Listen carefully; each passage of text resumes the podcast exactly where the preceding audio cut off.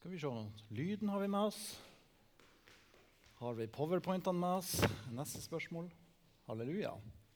Det er bra. Det ser veldig lovende ut så langt. Skal vi prøve å få festa det her utstyret her. Da kan det fort lykkes.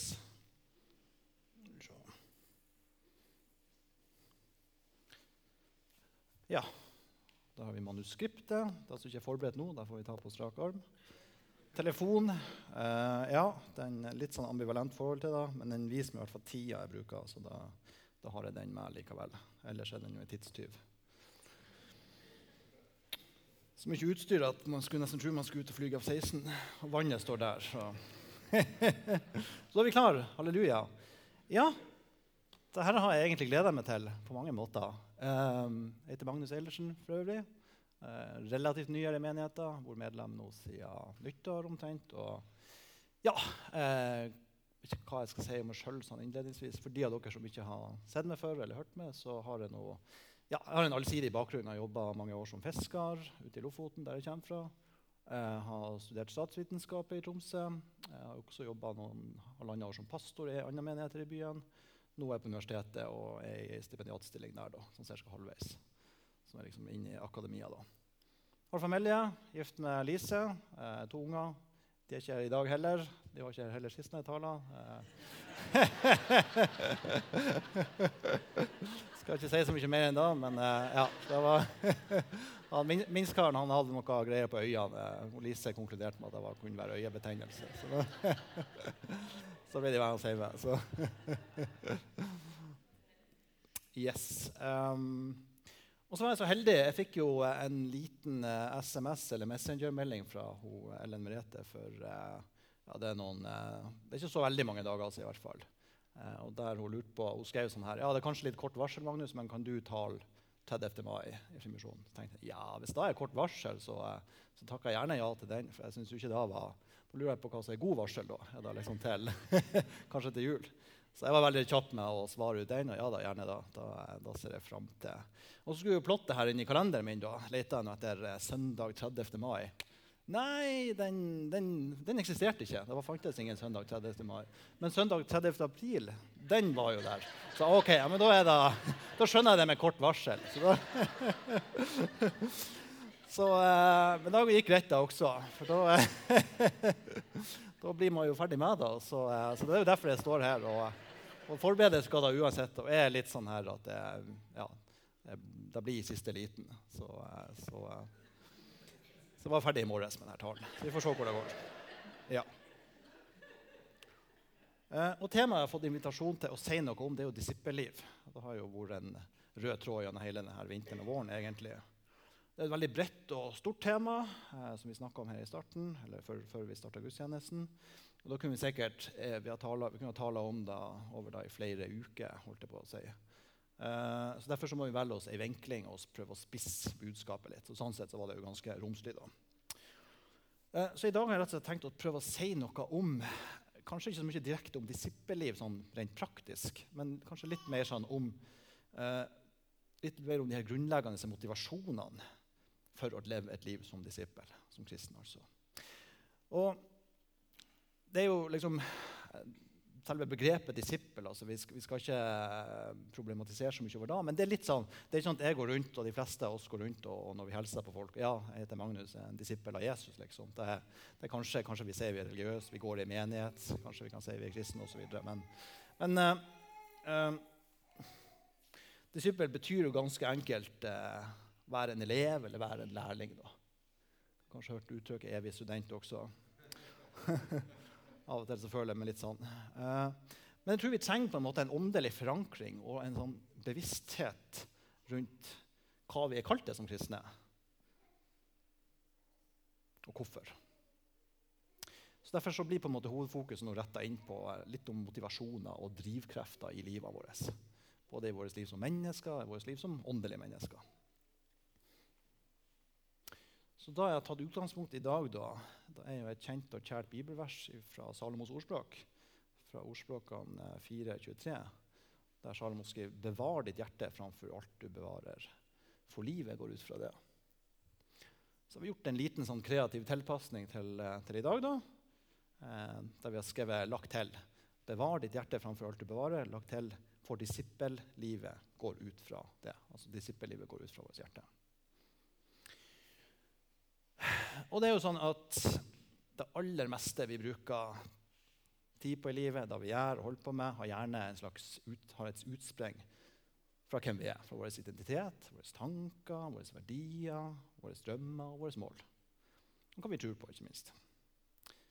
Uh, så er det barnelærdom på den ene sida. Vi har jo ei fri velja, Selvstendig velja. Og på den andre sida er, er, det sånn at vi også påvirkes av det sosiale miljøet rundt oss.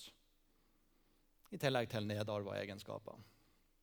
Jo, før så lærte vi ofte var 50-50 mellom, eh, mellom, miljø og arv. Det er vel kanskje justert litt på det nå i ettertid. Jeg vet ikke hva, Steinar, vet du hvordan den fordelinga er? Det er 40 på arv ca.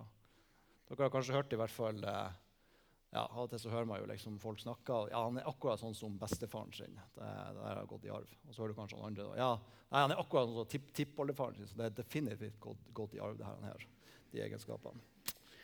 Um, vi kan jo se litt på denne plansjen, hver enkelt av oss, som jeg laga i, i, går. da. Eh, og så kan vi prøve å og jeg bare valgt ut noen sånne enkle stikkord her. da, så kan vi prøve å relatere det litt opp mot vårt egne liv. Vår egen livssituasjon, hver enkelt. Skal ikke bruke lang tid på det, men det er bare for å sette i gang noen tankeprosesser. Dere som er på min alder og eldre, og jeg er for øvrig 36, eh, dere kan jo grunne litt på om det er noen ting her som, som endrer seg med årene sine løp. Ser, ser det her annerledes ut i forhold til livsmål, drømmer, visjoner? Sånn ser det annerledes ut i dag enn det gjorde når vi kanskje var yngre? Dere som er veldig unge, dere har jo kan jo notere dere ned når dere kommer hjem. Ja, hva, er, hva vil jeg med livet? Hva er planen? Hva vil jeg bli? Og så hva er drømmen min? Hva, har jeg mottatt noe fra Gud? Har jeg et kall? Og så det er mange tanker mange, mange ting som, som er knytta opp imot det her. Uh, ja. Så er det jo litt det her, det Bildet der er litt sånn tilfeldig valgt, men det er jo kanskje litt sånn illustrerende. er da Tilværelsen her og nå føles som en ørken der vi stadig er i bevegelse mot et eller annet. Kanskje vi går og lengter etter et eller annet som skal komme der framme, enten, enten, i evigheten eller kanskje senere i livet. Noe vi driver forbereder og jobber lenge imot. Noe som er bedre, et bedre liv på en eller annen måte. Det kan se veldig forskjellig ut fra, fra person til person og ut fra livsfase til livsfase. Men Guds rike er plassert i sentrum der. For da er jo både noe vi har tilgang til her i denne tid, men ikke minst noe som skal bre seg 120% ut i evigheten. Eh, jeg regner med kanskje de fleste her har sett den herren i en eller annen sammenheng. Det heter altså Marslows behovspyramide. Det har egentlig ikke noe med marshmallows å gjøre, så vidt jeg vet. Um, jeg tror egentlig ikke det er noe kobling der.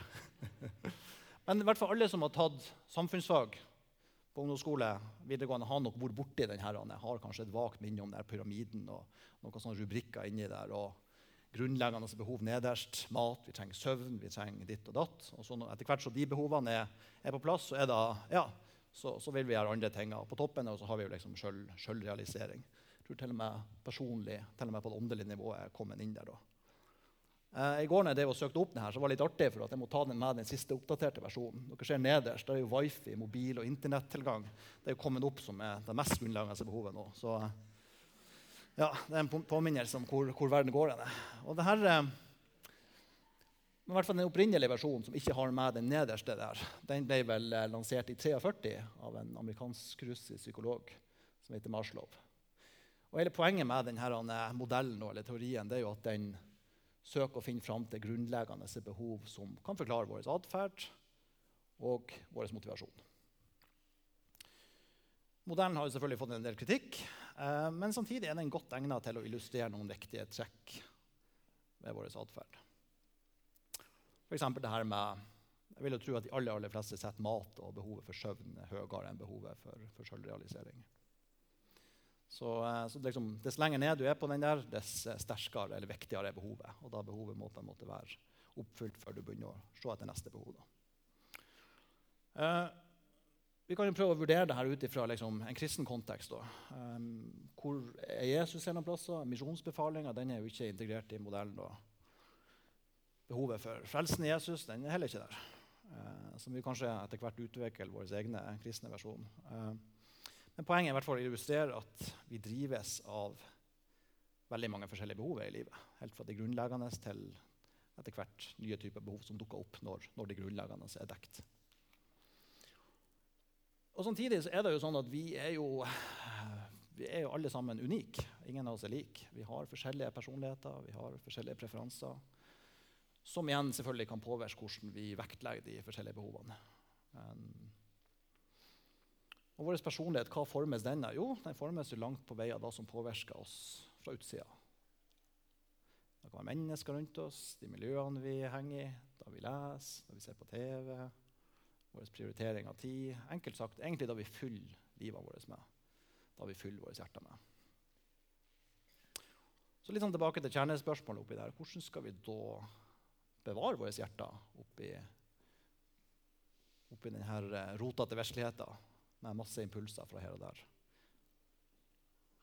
Og til en viss grad kan jeg jo argumentere for at vi kan jo velge hva vi skal la oss påvirke av. Og jeg understreker til en viss grad. Gjennom vår frie vilje så kan vi jo bestemme oss for hva vi skal la oss påvirke. Vi kan stenge ute f.eks. ting som påvirker oss negativt. i hvert fall prøve det. Så kan vi åpne opp for flere ting som bygger opp og har en positiv virkning på vårt liv.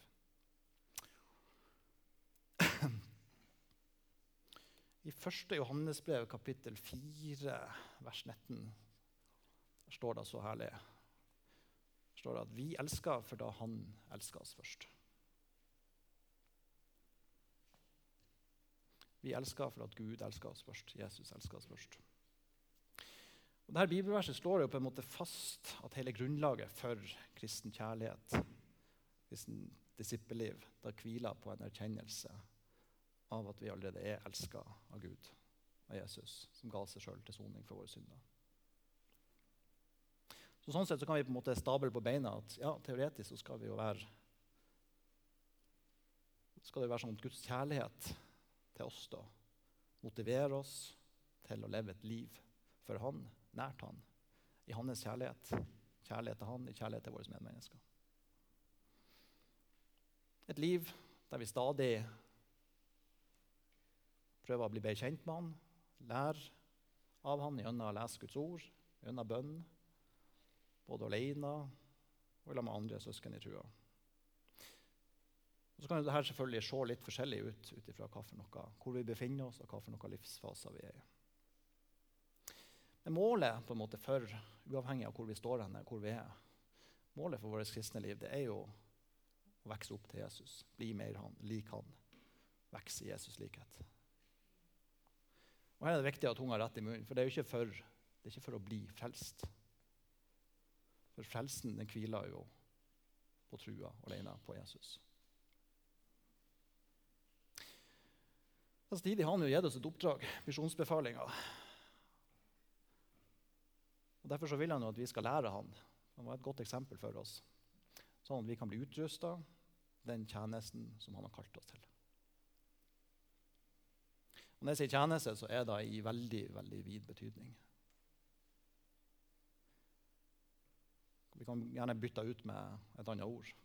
Bytte ut med det ordet som passer for det. Hva har Gud kalt det til?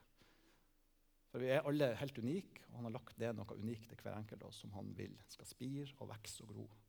I form av talenter, gaver Som vi skal bidra med her inn i denne tid, for å bygge hans rike her på jord sånn at Hans rike kan bli, eller komme til syne, bli manifestert blant oss, at det kan spre seg ut til alle verdens folkeslag.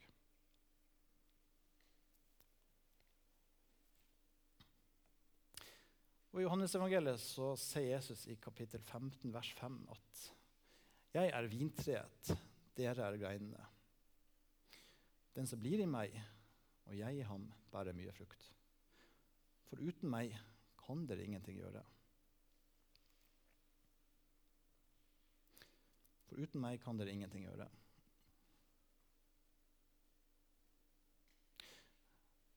Det er gjennom Jesu undervisning vi lærer sannheten å kjenne. Med Den hellige ånd så får vi kraft og størske til det kristne livet, til disippellivet, disippellivet i denne tiden. Og Da Jesus egentlig understreker her med dette verset, la han si der, det er jo at For å kunne tjenestegjøre i Guds rike så er vi, vi er helt avhengige av Jesus. Uten Guds nåde, uten Guds ledelse inn i dette livet som kristen, så, så, blir det som vi er, det blir, bare, det blir menneskeverk på en måte.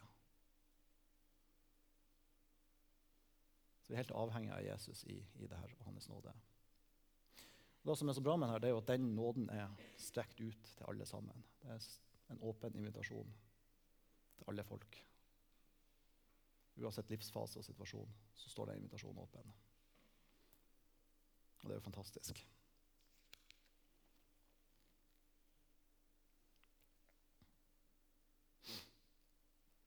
Og Tidligere her i, eh, i, vinter og vår så har det jo blitt snakka litt om hvordan Jesus når han vandra på jorda, hvordan han kalte til seg sine nærmeste disipler. Da. Eh, Ellen Merete snakka om at eh, han gikk jo blant fiskere. Flere av de som han valgte ut, var jo fiskere.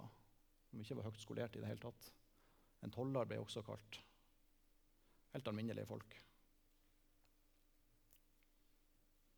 Blant de tolv der som ble kalt Jesu mens han vandra på jorda. Etter himmelfarten så kalte han jo han Paulus, som på en måte var litt fra det andre sjiktet. Høyt skolert, jødisk tradisjon og religiøsitet. Og Den historien kjenner vi jo alle sammen veldig godt. Paulus han eh, Ut ifra den tid så ble han ansett som en som virkelig levde opp til, til Moseloven. Og la sin ære i det. Man får et sterkt møte med Jesus. Blir slått blind, holdt jeg på å si. Eh, og da skjer en forvandling der. Han går fra å være en stolt jøde og skriftlærd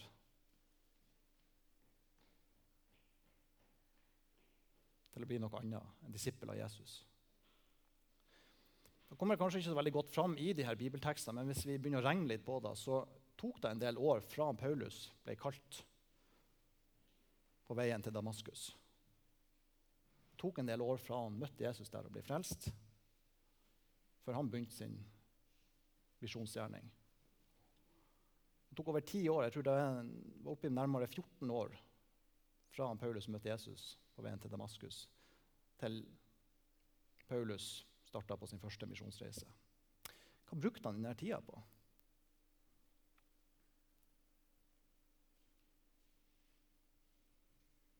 Det er et interessant spørsmål. Han var jo opplært i Moseloven og jødisk tradisjon og skikk på alle måter. Men likevel så måtte det gå en viss tid før at han var klar for en tjeneste som Jesu disippel. Det er veldig interessant. da. Disiplene, de var jo de andre disiplene, eh, Peter og gjengen, de vandra jo sjøl i lag med Jesus. og de var jo gikk jo ut i tjenesten ganske kjapt. De var jo i lag med Jesus og, og, fikk noe unikt på den måten. Eh, og Det betyr ikke at de snubla underveis og gjorde bommerter osv. Men Paulus han, det tok det tok lang tid før han starta misjons, de misjonsoppdragene sine. Og jeg tror jo at mye av det som skjer skje med Paulus kom, da, altså Han måtte endre ganske mye for han var klargjort for, for oppdraget sitt. Det var mye som måtte, av hans holdninger, av eh, jødisk loviskhet, som måtte renskes bort med Guds ånd og på andre måter for at han kunne gå inn i dette oppdraget. Det var en prosess som var tidkrevende selv for Paulus.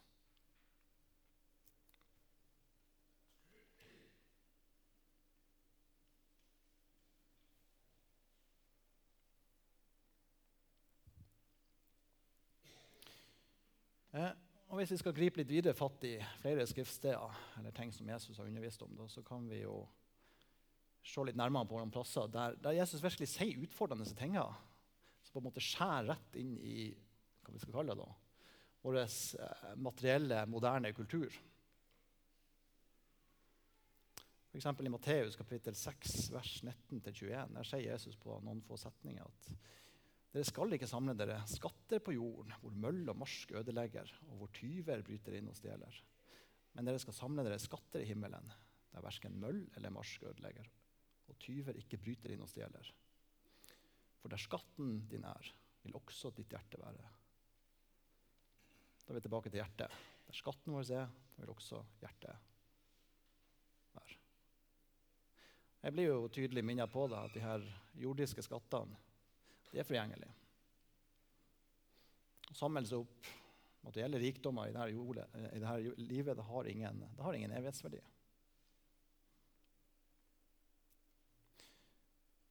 Det er klart, det vet vi jo, det er jo en erkjennelse som ligger i bunnen hos oss alle sammen. At vi er like naken som vi kommer inn i verden, som kommer vi til å gå ut av verden òg. Ingen får med seg noe ut av det fysiske. Men så er det jo liksom, hvordan påvirker denne sannheten da egentlig våre prioriteringer, vårt dagligliv her i Tromsø? Vår motivasjon og vårt livsmål? Egentlig en hel del, i hvert fall sånn på tankestadiet klarer vi å omsette til levd liv på en eller annen måte? Hvordan reflekteres det egentlig? Hvordan ser det ut? Og jeg skal jo erkjenne og bekjenne at for min del så har det, det, det er ganske utfordrende. Jeg er kanskje ikke den største materialisten, men eh, jeg er for veldig glad i bøker. Jeg har kjøpt masse bøker, jeg liker å lese bøker. Jeg lager bøker sjøl. Jeg har en tendens til å bruke veldig mye tid på bøker. Og så må Gud minne meg av og til på ja, men uh, det er fint at du har interesser. og alt det her. Og jeg tror Gud har kanskje gitt meg en gave i forhold til å holde på med bøker. Da, på forskjellige måter. Men hvordan prioritere? Er dette med på å bygge Guds rike på en eller annen måte? Um, og de bøkene er, det er tross alt bøker som ikke kommer til å Jeg kommer ikke til å, sannsynligvis ikke til å ha med meg de bøkene inn, inn i evigheten. Da, da, tror jeg ikke. De blir stående igjen her. Men samtidig på den andre siden, de kan jo, jeg kan jo lage bøker eh, laga i årbok eh, for Lofoten. Masse fine bilder. Eh, interessante artikler for de som er interessert i lokalhistorie. Den er jo med på å glede mange. det vet jo. Mange gleder seg til den kommer, kommer, ut. Så sånn sett så er det jo et gledesaspekt i det. det, det Men det er bare at jeg må passe på å ha den balansen i det. Sunne åndelige balansen og tilnærminga til det. Bøkene kan ikke bli min gud eller min religion. Så sånn sett så har jo dette skriftstedet vært en sånn utrolig viktig påminnelse om hva, hva det egentlig som er viktig i livet. Jeg trenger stadig vekk å minne meg sjøl på denne. Her. Den sier noe om hva som er verdifullt i Guds rike. Jesus sier at der skatten din er, der vil også ditt hjerte være.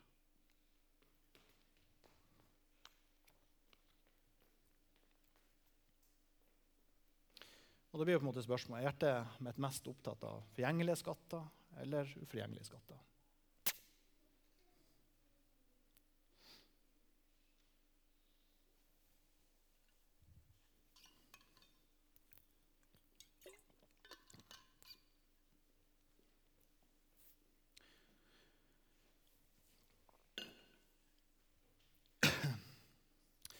Ett ord fra Gud til et menneske er verdt mer enn alle verdens skatter til sammen. Denne setninga er ikke henta fra Bibelen, men den, det var en amerikansk eh, pastor som mottok den i en åpenbaring. Skrev om det i bok. Akkurat den der setninga beit meg veldig merke i. Jeg leste den boka for ni år siden. Jeg tror kanskje da Utdraget fra den boka som jeg husker best, var akkurat det her. Nå er det sånn at Profetiske budskap de skal jo alltid prøves, men jeg vil jo si at eh, La to eller tre tall profetisk, og la de andre prøve budskapet. så kan man gjerne prøve budskapet. Men jeg tror det samsvarer ganske godt eh, med de øvrige tingene som vi leser om i Skriften. og det som Jesus snakker om. Og I denne åpenbaringa som han ble gitt, så var det Jesus sjøl som talte talt den setninga. Ett ord fra Gud til et menneske er mer verdt enn alle verdens skatter til sammen. Og Dette sier jo litt om momentet i Guds ord. Det evige momentet. Det virkelige tankekors at evangeliet om Jesus Kristus er mer verd enn summen av alle verdens skatter og rikdom. I materiell betydning, selvfølgelig. Vi ser for oss den vektskåla der bare tipper over ende.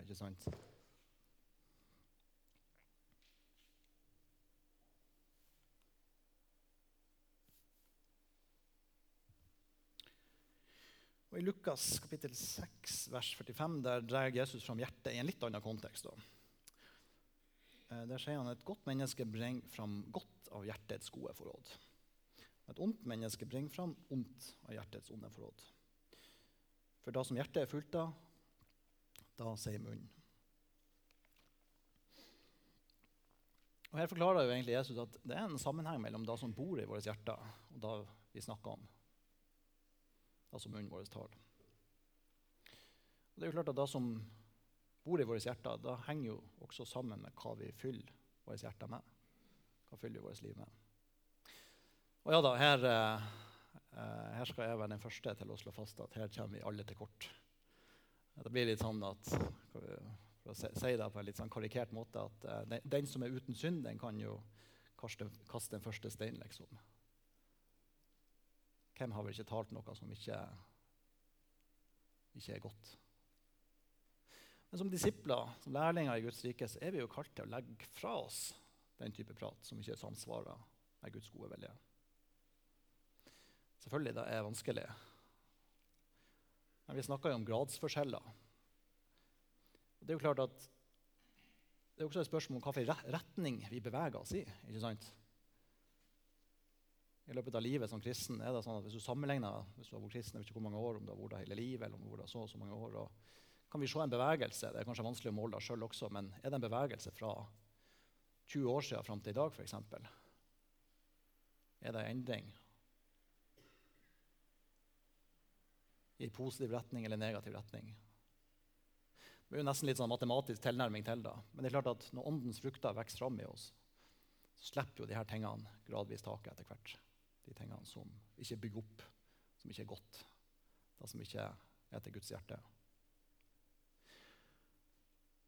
Og det er klart at litt tilbake til det jeg om i stad, at det her klarer vi ikke sjøl. I kraft av sjøl er det en veldig veldig tung, tung, greie. Og da er det fort gjort å gi opp og fort gjort å snuble og bli sittende fast og, og bli stående på stedet hvil. Um,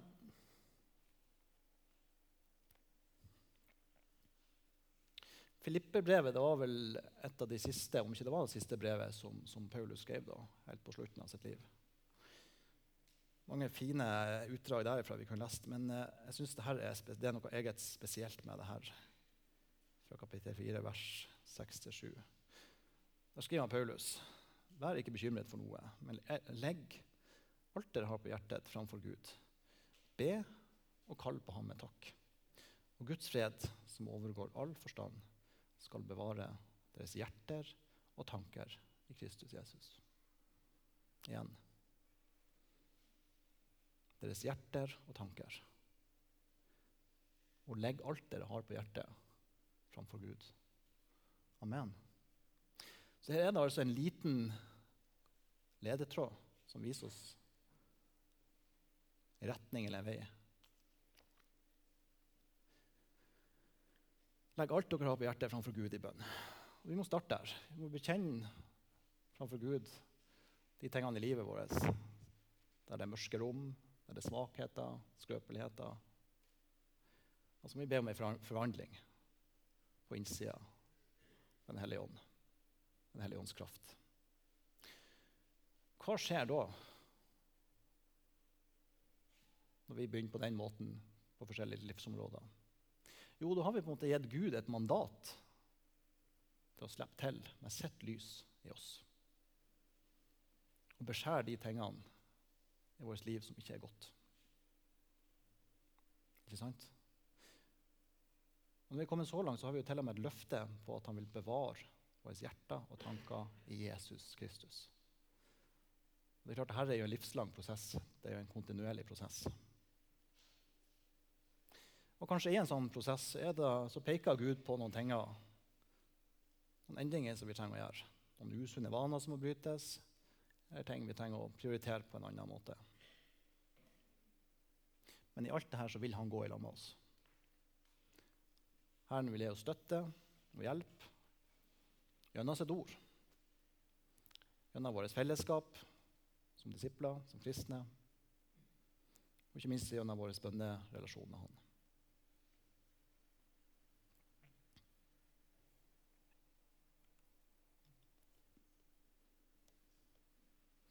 Jeg begynner å nærme landing her. Men eh, i 2. Timoteus-brev kapittel 2 vers 12a så står det holder vi ut, så skal vi også regjere med han.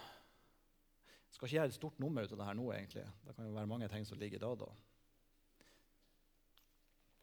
Men det kan jo være litt interessant å grunne på når vi allerede snakker om disippelliv. Og liksom forbindelser mellom dette livet og evigheten. Og Personlig så tror jeg det er sånn at Gud gjennom vårt liv her, det som vi holder på med nå, den, da vi investerer i Hans rike her, det er med på å forberede oss for evigheten. Jeg tror personlig at han har gitt oss, kalt oss til forskjellige typer forvalteroppgaver i sitt evige rike. Husk på at Jesus sa jo til disiplene i min, i mitt, min fars hus er det mange rom. Og så står det til og med at vi skal, hvis vi holder fast på han, så skal vi regjere i lag med han. Og på den måten har livet som, som kristen, som disippel, som elev eller som lærling av Jesus har en ekstra åndelig dimensjon ved seg som strekker seg helt inn i evigheten. Ingenting som investeres i Guds rike i dette tid, er forgjeves. Det vil, få, det vil ha en evighetsbetydning. Gud vil lønne i evigheten, utover selve frelsen. Amen.